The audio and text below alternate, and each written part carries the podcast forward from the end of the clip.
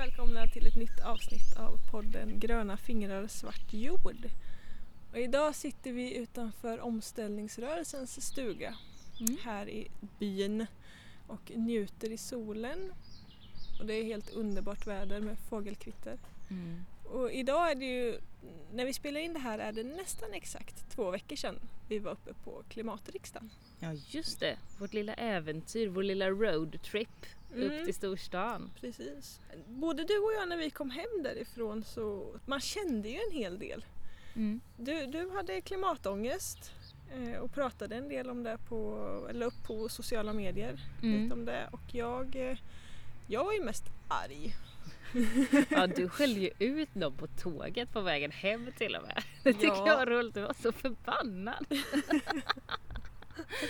oj oj oj. Jag blir lite folkilsk när jag är bland folk. Ja. Men jag tycker att det tillhör allmänt jävla vett att man flyttar på sig om man har satt sig på någons plats på tåget. Ja. När det är bokade platser. Ja. Då är det allmänt jävla vett att man lyfter på arslet och går därifrån. Och sen kan man fråga försiktigt när alla har satt sig och tåget är i rullning och det inte är kaos och trångt och stressade människor om Ursäkta, kan vi byta plats? Jag vill gärna sitta jämte mina vänner. Så gjorde inte dessa skrevande män. du är fortfarande förbannad Ja, alltså. jag tycker det är sånt ohyfs. Ja, ja Mm. men det, det, fick, det fick hela vagnen höra på Ja. vägen hem. Det, det var bra. Ibland Ja, behöver man någon som värsta- säger ifrån. Ja, fast det värsta var ju att det var ju tjejen vars plats var upptagen som bad om ursäkt. Ja just det. med. Mm. Och det gjorde mig nästan ännu mer förbannad.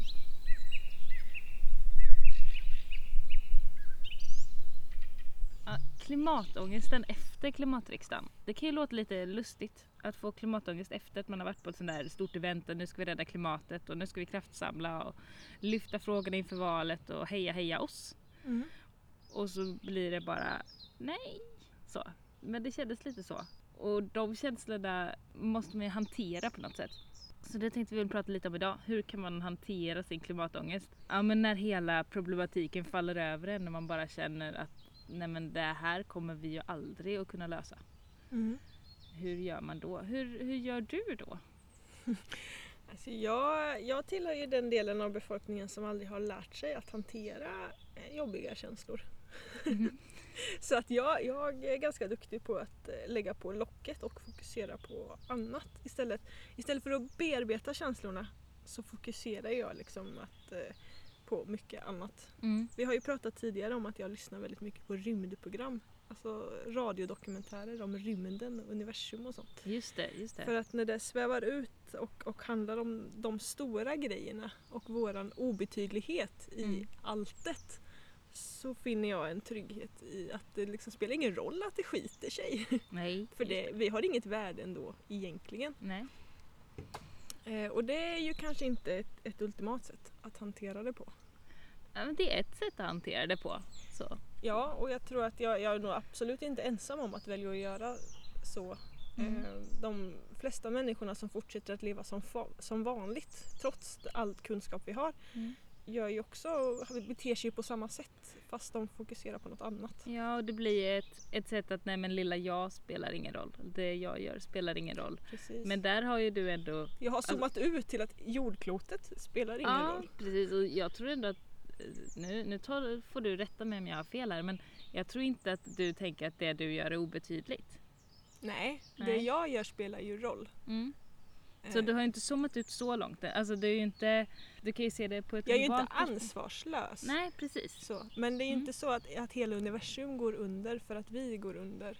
Alltså, så jag tänker att vi drar med oss själva i skiten men så finns det liksom miljarders, miljarders, miljarders mer grejer som inte går under Mm.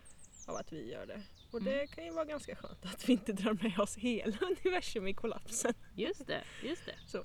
Ja, Ehm, Mm. det är bra. Ja men så, så jag hanterar det ju delvis så och delvis genom att fokusera på de, de bra grejerna, den skillnad som man ändå gör. Men då är det ändå görandet. Det är något Ja, det sådär... konkreta. Ja, du börjar handlande. göra någonting. Ja, Vad är det du börjar göra? ehm, sätta potatis till exempel. Jag, jag vet, jag läste flera stycken eh, kring första maj och sådär att eh, i mitt sociala flöde i alla fall var det flera som dök upp att man liksom väljer att sätta potatisen på första maj som en politisk handling. Oj, politisk potatis. Ja, och det, vardagen är ju politisk. Det här har vi ältat nu liksom sedan 60-talet att, Mm. eh, att vardagen är politisk. Mm. Och jag tänker att eh, potatis är i allra högsta grad politisk också. Är det någon särskild sort som är mer politisk än någon annan? Så. Ja, det måste vara en röd skal i sådana fall va? Ja just det, någon Asterix eller så. Mm. Den tycker jag är bra, den sätter jag Ja. hemma hos mig. Ja. Jo, men jag läste en så himla bra grej häromdagen. Jag kommer inte ihåg vart jag läste den nu men den fastnade i mig. Att om mång- många människor som får frågan om de skulle vilja färdas tillbaka i tiden för att ändra någonting i sina liv Mm. inte vågar göra det Mm. för att de är rädda att det skulle bli den här butterfly effekt grejen. Att den lilla saken skulle förändras så himla mycket Ja, in i framtiden så deras liv kanske skulle se helt annorlunda ut idag. just det. Och den här personen som skrev det vände på dig. Mm. Men det lilla vi gör idag kommer Mm. ju ge liksom sådana förändringar i framtiden. Just det. Att bara för att jag väljer att inte köra den vägen eller bara för att jag inte väljer de konventionella äpplena i affären eller något så kommer ju det ge liksom stora effekter långt fram i tiden. Och det gav mig jättemycket ångest. ah, oj vad svårt. Ja, ja men det är klart. Ja, men så Ja, blir men det ju. jag Mm. tänker man kan ha det som eh, nu är det inte meningen att det ska ge ångest utan Nej. snarare kanske så här att det lilla du gör idag kommer få effekt i framtiden. Mer Ja. så att det lilla, det, du kan liksom inte säga men det spelar ingen roll vad jag köper för ägg. Nej. Jo det spelar en jävla roll. Mm. Kanske inte just precis idag men om fem år eller om tio år eller om 15 år så kan det ha inneburit en stor förändring. Mm. Ja men det, det är både bra och läskigt. Eh, så. Men uh, ack så sant. Mm. Ah, mm. Någon eh, aktiv medvetenhet liksom. Ja, det Mm. kan ju lätt balla ur. Så, Mm. Men eh, det är väldigt intressant ändå. Mm. tänker jag. Eh, och sen har jag, när vi var uppe på klimatriksdagen, eller på fredagen där, så tatuerade jag mig. Just det, en rymdekorre pryder nu din vänstra arm. Ja, precis. Och den, eh, det är också ett sätt att alltså det, det är ju dels rymden, just för det där vi pratade om tidigare. Mm. Att jag gärna spånar ut i rymden. Men sen är ju liksom ekorren är ju för, nå alltså för mig en symbol för självhushållaren Mm. bland eh, djuren. Mm. Många tänker kanske att en ko, gris eller höns skulle vara det. Mm. Men jag tänker ekorren som den här samlaren, lagraren, liksom, den flitiga arbetaren som, Mm. som samlar på sig ett vinterförråd. Just det. Just den där behövde lite space. Ja, han, han behövde komma, det är liksom en liten symbolgrej att han är uppe i rymden också och svävar runt där. Kan tolka in i mycket som helst. Den är Men tjusig. eh, ja, och sen tänker jag att ingen blir ju ledsen av att titta på en ekorre. Nej. Nej, det är väldigt... Jag har nog inte träffat någon som får panik för ekorre faktiskt. Nej, och jag tänker många är så här ehm, kattungar, bilder på kattungar när de, så här, att de, eh, när de är deppiga så kollar de på bilder av kattungar. Och jag tänker ekorrar, att se en ekorre klättra och skutta i ett träd det är ju liksom precis samma. Det är ju fint. Ja, Ja. alltid lite lyckovolter i magen. Liksom. Ja men det är det. Så då, då ja, kan jag titta på den när det känns lite tungt och tänka att ah, en ekorre, fan vad gulliga de är. Ja. så känns allt bra en liten stund. Ja. Mm. Också lite flykt. Men, eh, Ja, det är mycket flykt. eh. Ja. Du då Matilda, är du lika flyktig som jag? Eller är Eh, du bättre på att hantera? Nej men jag, jag bryter ihop lite grann. Eh, det har ni sett på sociala medier nu sen klimatriksdagen. Jag bryter ihop och sen så gör jag. Jag är nog en sån som agerar ganska mycket. Eh, och då reflekterar jag över vad är det jag kan göra, vad är det jag har möjlighet till att göra nu, vad är det som får någon effekt och vad är det jag mår bra av. Vad är det jag behöver göra Mm. på något sätt. Och så gör jag det. Om det är att eh, sätta potatis, som du sa, gå ut och odla, försöka sprida något budskap, förmedla någon kunskap, påverka andra att också agera på något sätt. Eller att faktiskt eh, agera politiskt. Det kan ju vara lite olika från då till då. Mm. Men eh, jag tror att just görandet är viktigt för, för mig i alla fall. Att hantera klimatångesten. För att jag kan inte liksom jag, ja, när jag väl bryter ihop över det, då sitter jag ju still och bara lipar. Men sen så för att komma ur det måste jag ju aktivt agera liksom. Mm. Eh, och då är det jätteviktigt att utgå från sig själv och börja med sig själv och vara ett gott exempel. Och det jag gör betyder något och är viktigt och bla bla bla bla bla. Men om det ska ha någon större effekt då måste jag ju också gå utanför mig själv och min familj. Och sprida det. Ja, mm. både alltså, sprida det, vara ett gott exempel, dela det på sociala medier, spela in podden mm. eller vad det nu kan vara och i slutändan så agerar jag också politiskt. Det får man göra som man själv vill men det, det är ett sätt för mig att hantera det. För mig är det mest varit lokalpolitiskt. Att försöka påverka den kommun som vi bor i att bli mer grön. Mm. Och att göra någonting åt de här stora förändringarna. Det tycker jag är jätteviktigt för mig själv. Och jätte, jättesvårt. För då ställs man mot de som inte tycker att det här är viktigt alls. Och prioriterar helt andra saker. Det måste ju också bli en, en um, ångest i sig liksom. Jätte. Att alla inte fattar. Ja, precis. Liksom när man förstår att det för många bara är ord. Ja. Och att det här är, det finns ju nästan inget parti nu av de riksdagspartier som vi har som säger att klimatfrågan eh, är oviktig. Nästan inget säger det. Nej, precis. Eh, det är många som säger att nej, men klart vi ska rädda klimatet och det är viktigt och bla bla bla. Men bla, bla. jobben kommer först. Ja precis. Det är ju Sjuktalen det. måste sjunka. Bla, ja. bla, bla. Det är alltid massa mm. annat som måste göras innan och nej, nu blev det för dyrt och det där kan vi göra sen. Och, ah, um, mm. och så är det liksom, det sopas under mattan, det försvinner på, i någon policy på någon hylla och blir aldrig verkstad liksom. Mm.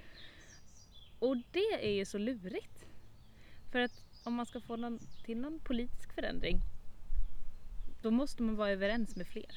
Mm. Det går liksom inte att vara någon slags eh, envåldshärskare och diktator utan jag måste ju ha mer än hälften med mig och mer än hälften får man sällan med sig när man ska försöka vara radikal.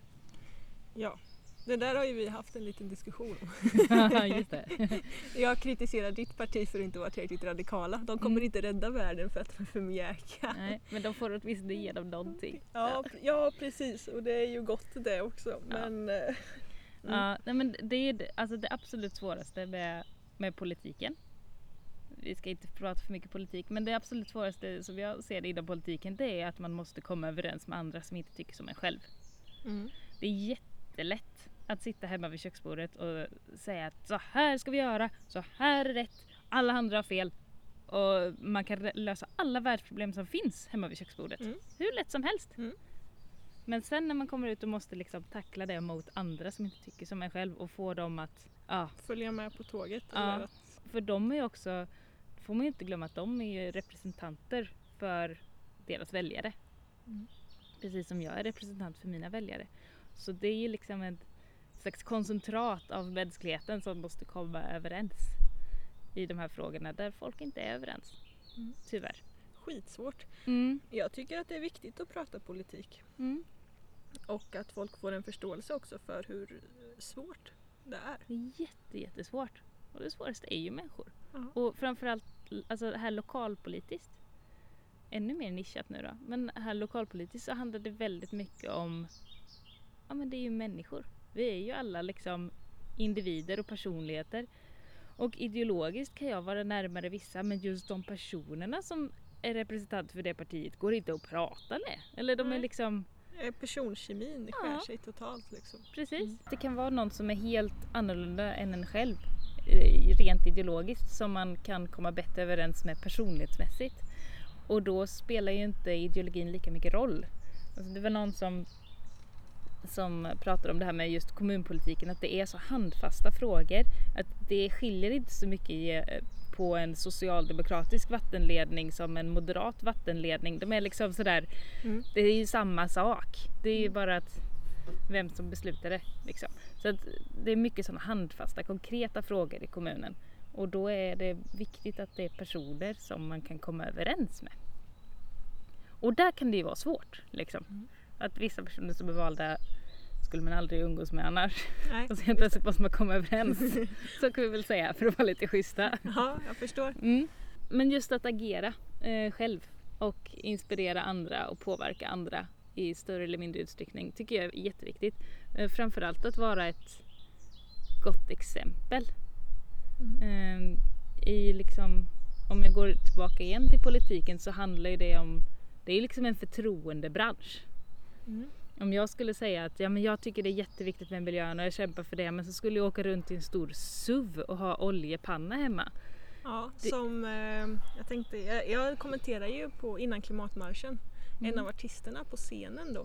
Mm, just det. Som han hade ju, den här personen bar ju kläder med logotyper av företag som är kända för allt annat än ett gott miljöarbete. Ja, just det. Och då blir det lite Då blir det fel Det liksom. blir lite fel när han står och predikar solidaritet och miljö och liksom global rättvisa och samtidigt har klädmärken som man vet gör allt annat än det. Ja, han har ju uppenbarligen inte handlat efter det han säger. Nej. Och det, det är viktigt det där att liksom när man ska gå ut och predika för någonting Mm. så måste man också kunna vara Stå. trovärdig i det. Mm. Så att det, då blir det här att utgå från sig själv eh, jätteviktigt och börja med sig själv. Ja. Det är, det är liksom inte, det är inte fel att, eh, att så här, ehm, bara jobba med sig själv. Det är jätteviktigt. För man påverkar andra i det också. Man är ju liksom inte en ensam liten ö. Nej, precis. Jätteviktigt att förstå. Ingen människa är en ö. Men jag kan tycka att det där är svårt. Alltså gränsen från att liksom berätta hur jag gör och hur jag tänker Mm. eh, kontra att inte ge andra dåligt samvete eller bli en besserwisser eller en, alltså komma in och liksom förstöra situationerna i rummet. Mm. Om man säger så, eller stämningarna. Jag kan tycka det är, jag tycker kan tycka det blir jättesvårt Mm. ibland. För att då, ja men det, det uppdagades ehm, när vi var hos vänner, vi, min familj, att vi inte har köpt gurka. Ja nu har jag köpt gurka, två gurkor den här veckan för nu kommer de ekologiska svenska Oh. i butiken. Ja, Ja.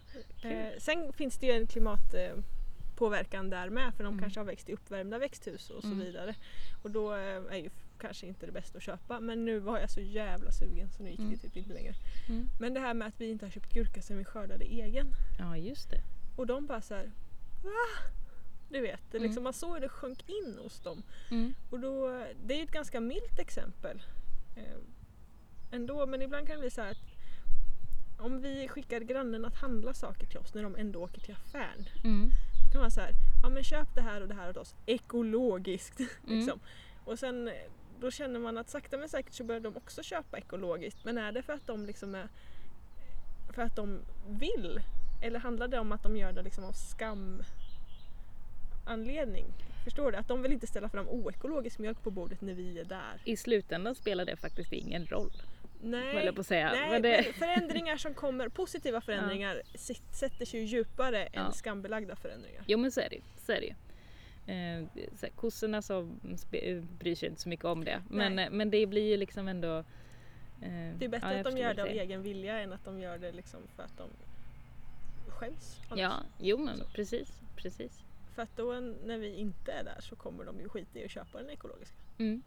Mm. Man får väl vara det som en nagel i ögat då. Ja men jag, tycker, jag kan tycka det är jättejobbigt. Ja. Men det kanske mest bottnar i, i ens egen stabilitet tänker jag.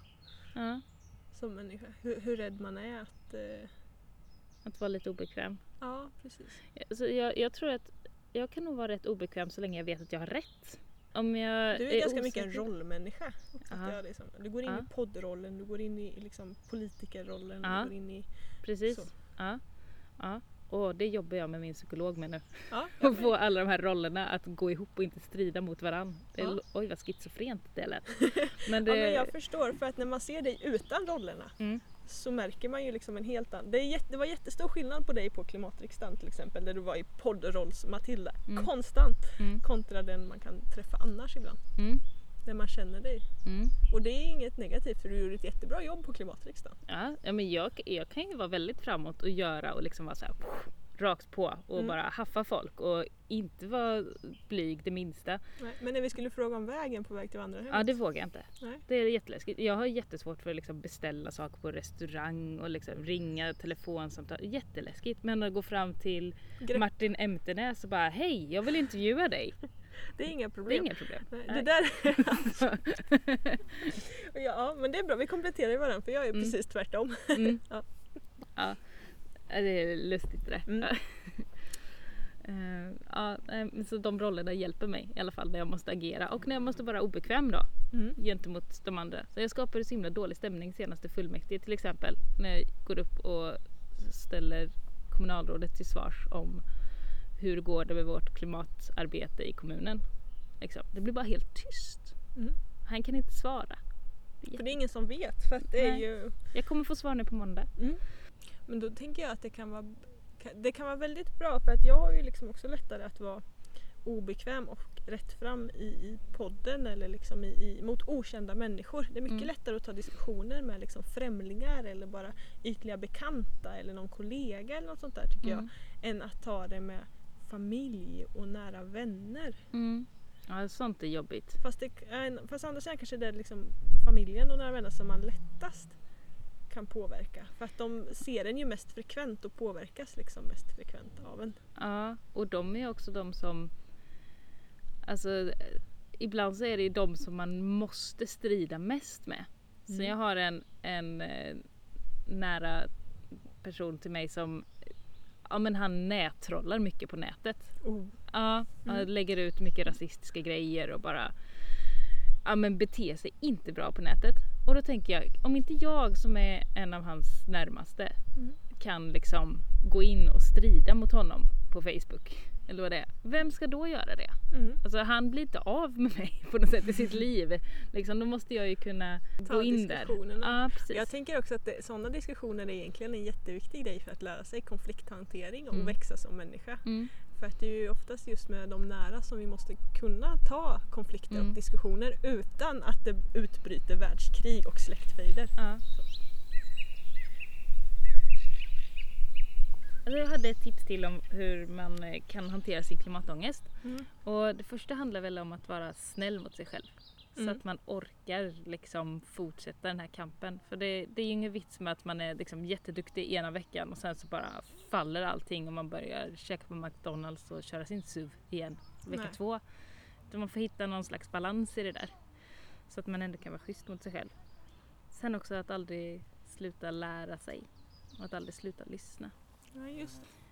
Ja men det tycker jag kan vara bra. Att inte Att Ja, men- alltid ta till sig och alltid utvecklas. Och, Ja. eh, mm. För att det kommer ju mer kunskap hela tiden och nya infallsvinklar så då är det ju bra att kunna vara öppen med det och att man också kan ha fel ibland. Mm, och kunna backa och backa och lyssna. Ja, Det är människor generellt sett dåliga på. ja, Eh, säkert oss inkluderat men oh, så viktigt att lära sig att hålla käft och lyssna. ja precis. Att inte bara strida liksom. Mm. Så det tror jag kan vara bra att ha med sig också. Mm. Det om klimatångest. Mm. Ja.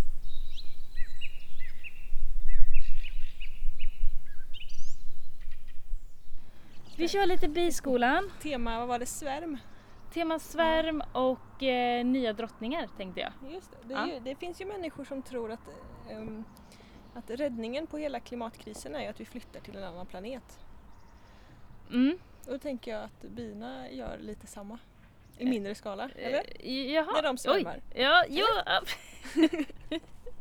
Eh, Att de bara säger här var inget bra, nu packar vi ihop oss och så drar vi till nästa. Ja, ja, men ja precis. Det har, det, på det sättet eh, har du rätt. Precis. Eh, jag tänkte vi kan börja med svärmarna. Mm. För eh, det är liksom nu i tiden som det är lite högsäsong för svärm. Fram till midsommar ungefär brukar man säga att det är, då är det svärmigt. Om de svärmar senare så hinner de ju liksom inte bygga upp ett så stort förråd för att klara vintern. Ja, just det. Mm. Så då är det bättre att stanna och vantrivas lite. Just det, så kör vi nästa år istället. Ja, man måste flytta i början av säsongen för att hinna med det man ska göra Mm. under hela säsongen. Så det är liksom nu och fram till midsommar ungefär. Det beror ju jättemycket på vädret. Ehm, men när en svärm går, då är det drottningen som flyger iväg tillsammans med hälften av arbetarbina ungefär.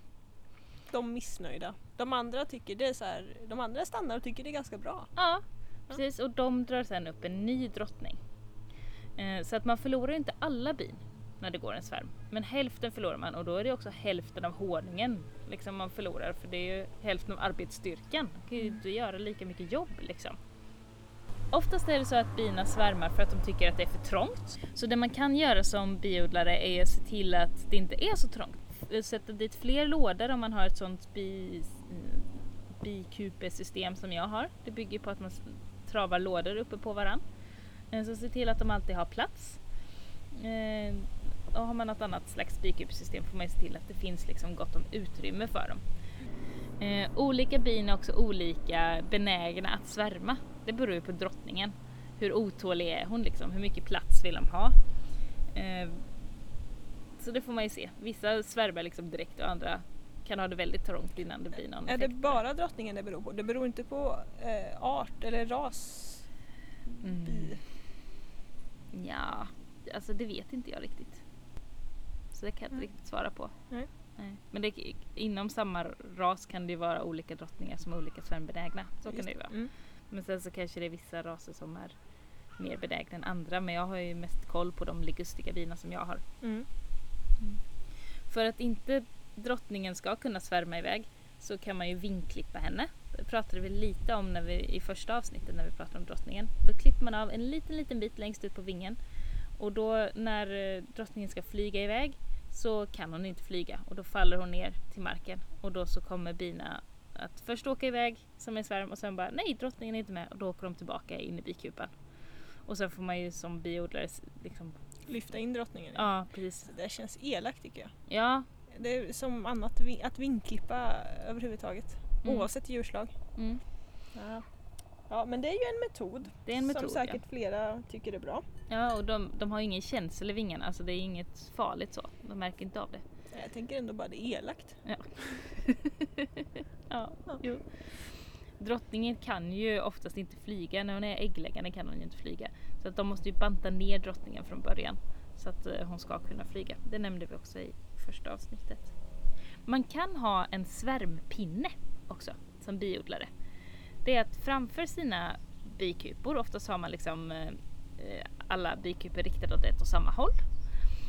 Så eh, har man en pinne som hänger lite löst på en annan pinne.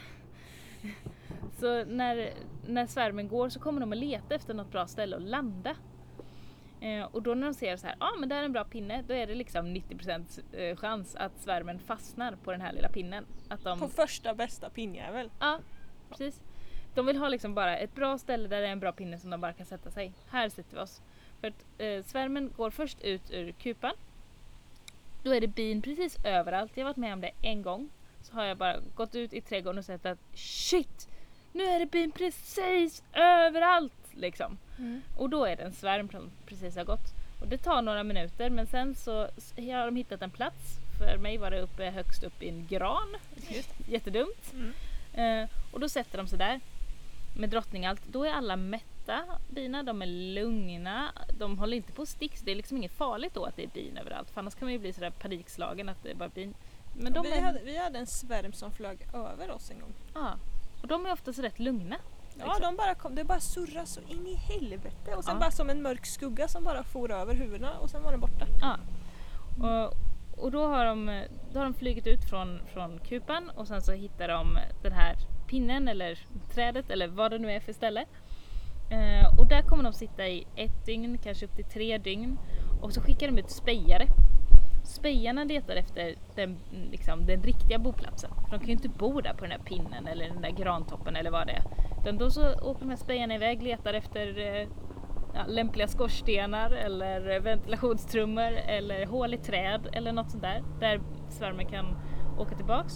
Så om man vill fånga en svärm då är det när de är på den här pinnen eller i den här grantoppen eller vad det är. Det är Mm. då man ska ta dem. Mm. För sen när man satt sig i skorstenen Mm. då är det jävligt. Okej. Mm. När man fångar en svärm, för det kan man göra, då kan man ibland ha en särskild svärmlåda som man sätt- sätter under själva svärmen. Om den har satt sig ner så att den liksom ser ut som en liten droppe, en Mm. ganska stor droppe, på en kvist, på en gren, kan man liksom ta den här svärmlådan under, klättra upp och slå till på den här grenen så att eh, De rasar ner. ja, de rasar ner i lådan. Och sen sätter man på ett lock. Det viktigaste är egentligen att bara fånga ett bi. Drottningen. Och det är drottningen. Alla andra kommer att dras till henne via doft. Så att så länge du får med drottningen, då får du med dig resten. Så det kan man göra. Enligt eh, Sveriges lag så ska man då, när man har fångat en svärm, ska man springa ner till stadens torg och säga Jag har fångat en svärm! Och den som först gör det, den får svärmen. jag, jag tror inte att det är faktiskt... Det är eh, ingen lag som följs. Nej, Nej, men den Nej. är lagstadgad. ja precis. Det var så man gjorde. Mm. Mm. Man var tvungen att springa ner till torget och säga jag har en svärm. Bra, försten vinner. Mm. Det tycker jag är lite kuriosa och gulligt. Kan, det finns ju några tecken på att bina också håller på och ska svärma som man ska hålla lite utkik efter om man har bin. Det är om man märker då att det börjar bli trångt.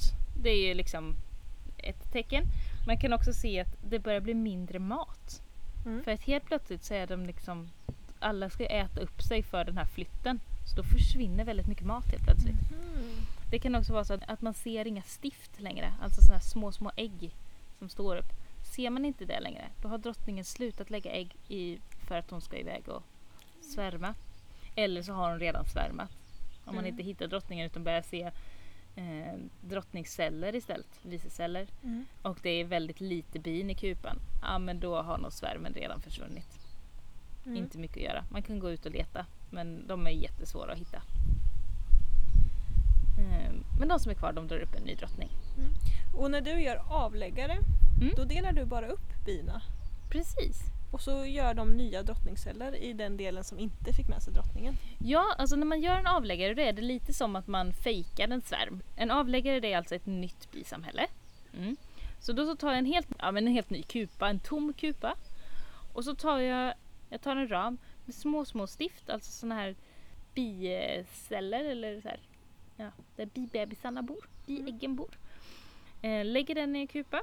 Jag tar också med lite honung och jag tar med lite pollen och liksom sånt på andra ramar. Så de kanske har fem ramar med lite olika saker på. Lite så här, lite käk, lite pollen, Lite bebisar. Lite, ja, lite allt möjligt. Mm. Och se till att jag också tar en hel del bin som är till det här nya samhället. Så några som kan ta hand om de här. Och då satsar du på att plocka ramar med bin på. Ja, eller så kan jag ta ramar som, där det är mycket bin på, se till att det inte är några drottning, ingen drottning på. Mm. Och sen så tar jag liksom, skakar av dem ner i den nya kupan. Så att bina liksom trillar ner där. Mm. Eh, sätter på locket. Sen efter en liten stund kommer de här eh, bina som är i det här nya samhället och märker att åh nej, vi har ingen drottning. Jag känner ingen doft av en drottning. Vad ska vi göra? Och då tar de de här stiften, de här små små äggen och eh, bygger ut de cellerna, ger dem extra mycket god mat och så, så blir det liksom drottningsceller. Ofta bygger de flera stycken.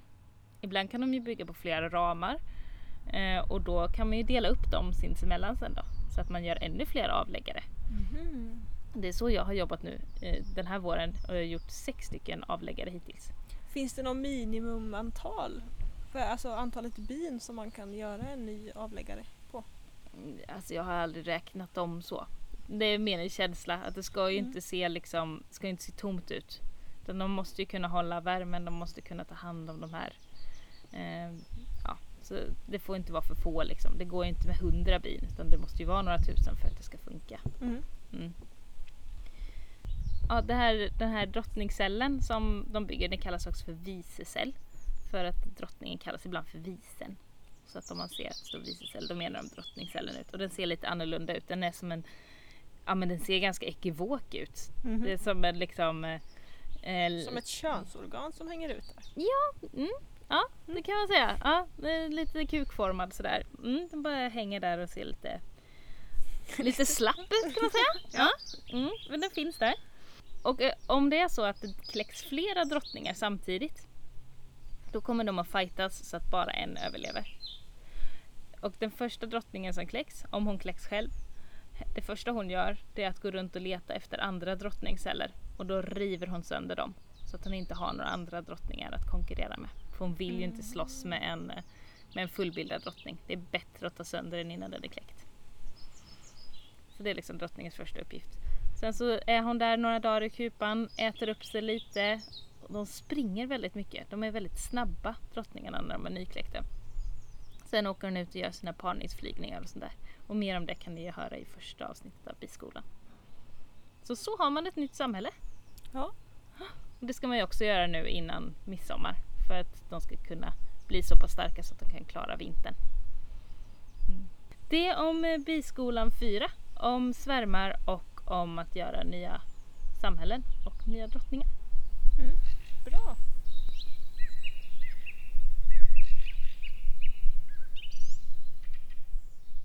Bra. Det känns som eh, bi är en sån här du skaffar, precis som höns, att du skaffar några i början Mm. och sen rätt som det så har du så jävla massa. Precis. För det går bara att, att så här utöka och utöka och utöka utan att behöva liksom köpa in någonting nästan. Ja. Man slutar aldrig lära sig heller. Det är Nej. jättemycket nytt. Man kan experimentera mycket med bin. Det tycker jag är roligt. Okej. Det låter konstigt. Nej men Ja. sådär att eh, jag tänkte att ja, men nu så ska jag försöka göra en avläggare och så ser jag att här är en drottning som är kläckt. Och, eh, men den, den har inte hunnit riva alla celler. Undrar om jag kan rädda de här cellerna och göra ett nytt samhälle av det och sådär. Just det. Så att, alltså det värsta som skulle kunna hända då det var att nej men det gick inte och då får jag slå ihop det till ett samhälle igen. Det är liksom inte värre än så. Eh, men att man kan eh, inte leka lite med det. Det låter, alltså, det låter så farligt när man säger att man kan leka med ett djur men det är ju lite så. Också. Ja, jo men det är ju så inom må- många eh, djur när man liksom testar med avel och såna här grejer också. Ja, Eller att man eh, eh, med höns och vissa äggfärger och allt sånt där. Att Ja. Vi leker ju liksom för att få fram något önskat resultat eller Ja. för att testa. ja precis. Mm.